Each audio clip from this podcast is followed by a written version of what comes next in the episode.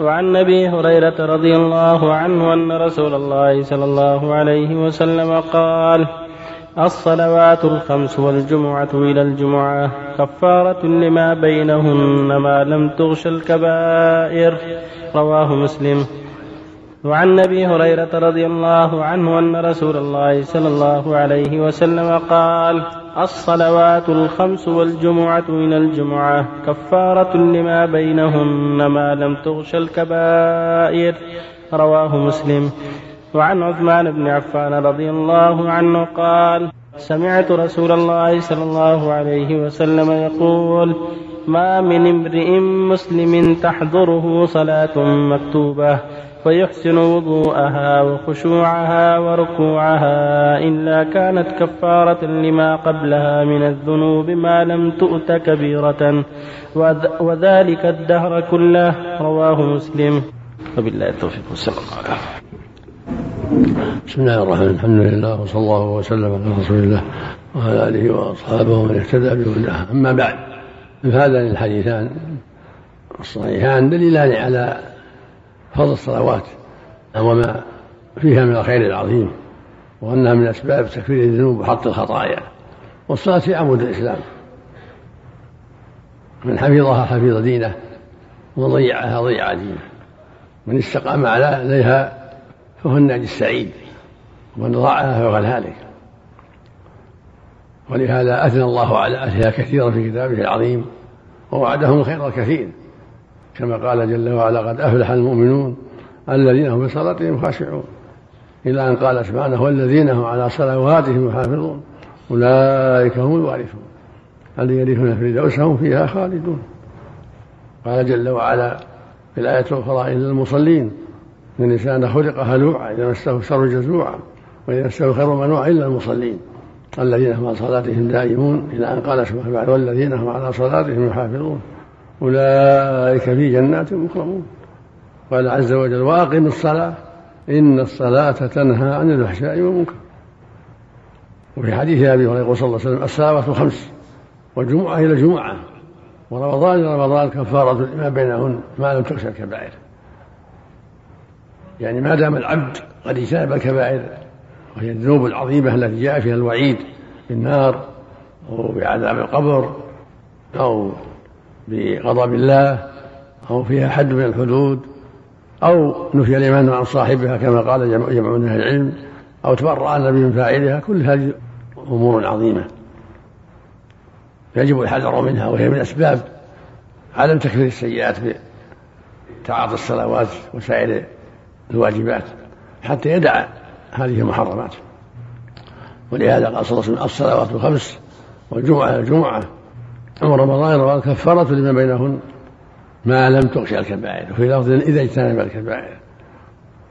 فإذا أتى بالصلوات الخمس ولكنه مصر على الزنا أو شرب الخمر أو عقول الوالدين أو أكل الربا صارت هذه ذنوب من أسباب حرمانه تكفير السيئات حتى يتوب إلى الله منها حتى يدعها. ولهذا يقول جل وعلا في كتابه العظيم إن تجتنبوا كبائر ما تنهون عنكم سيئاتكم فالآية الكريمة توافق ما دل عليه الحديث. إن تجتنبوا لأنها خطاب للمسلمين وغيرهم. إن تجتنبوا كبائر ما تنهون يكفر عنكم سيئاتكم. والكبائر أعظمها الشرك. فإن اجتنب العبد الشرك واجتنب المعاصي التي هي من الكبائر من الزنا والسرقة والعقوق والربا والغيبة والنميمة ونحو ذلك صارت سيئاته الصغير مغفورة بصلواته واجتنابه الكبائر وهكذا حديث عثمان. يقول صلى الله عليه وسلم ما من عبد تحضره صلاة مكتوبة فيحسن وضوءها وخشوعها وركوعها وفي الظاهر وسجودها إلا حطت عنه خطاياه ما لم يخشى كبيرة ما لم تؤتى كبيرة. فهو يوافق حديث أبي هريرة. فالصلوات الخمس حين يحافظ عليها المؤمن ويؤدي حقها من جهة الوضوء والخشوع وأداء ما يلزم فيها تكون كفارة له. ما لم تغشى الكبيرة فينبغي المؤمن أن يحاسب نفسه ينبغي أن يجاهدها لعله ينجو لعله يسلم ليحذر نزوات النفس ونزوات الهوى وطاعات الشيطان. فإن تلك تجره إلى ما لا تحمد عقباه. ومتى جاهد نفسه في ترك معاصي الله وجاهد نفسه في أداء ما أوجب الله فهو السعيد هو الناجي في الدنيا والآخرة. رزق الله جميع التوفيق والهداية. بسم الله سبحان الله سبحان الله سبحان الله سبحان الله سبحان الله سبحان الله سبحان الله سبحان الله سبحان الله سبحان الله سبحان الله سبحان الله. نعم. أو أحسن إليك كفارة الصلاة. هل تكفر ما بينهم بين أجل صلاة الفجر إلى الظهر؟ ومن الظهر للعصر ومن العصر المغرب ومن العصر هذا هذا ما بينهن. ما, بي ما بينهن هذا. صحيح يا شيخ نعم. ما لم تكن الكبائر. بعد من سائل أي سبحان الله تسأل المرأة تقول في حالة هل الشامبو الأحمر يستخدم أم لا؟ لا بأس في حال الإعداد يستعمل هو بطيب. الشامبو والسدر هو ليس بطيب. والصابون كذلك. لكن اللي له رائحة إذا تريد من باب الاحتياط حسن. ولا بقية الصابون والإشنان والسدر والشامبو كل هذا لا حرج فيه حق حق المحادة سواء الناس تقول هل أشتغل وأمشي في البيت ليلا أو نهارا حتى الساعة اثنتين وثلاثة والخروج إلى الحوش يجوز أم لا؟ المعادة مثل غيرها. تمشي في البيت منتعلة أو محتفية في البيت في صحن البيت في حوش البيت في حديقة البيت في السطوح في القمر أو في الظلمة لا في مثل غيرها من أمور خمسة عليها أن أن تجتنبها الحادة. الأول عدم الخروج من بيتها. تلزم سكنها. اللي مات زوجها وساكن في البيت تلزمه إلا من حاجة خروجها مثل شراء حاجة من السوق حاجاتها.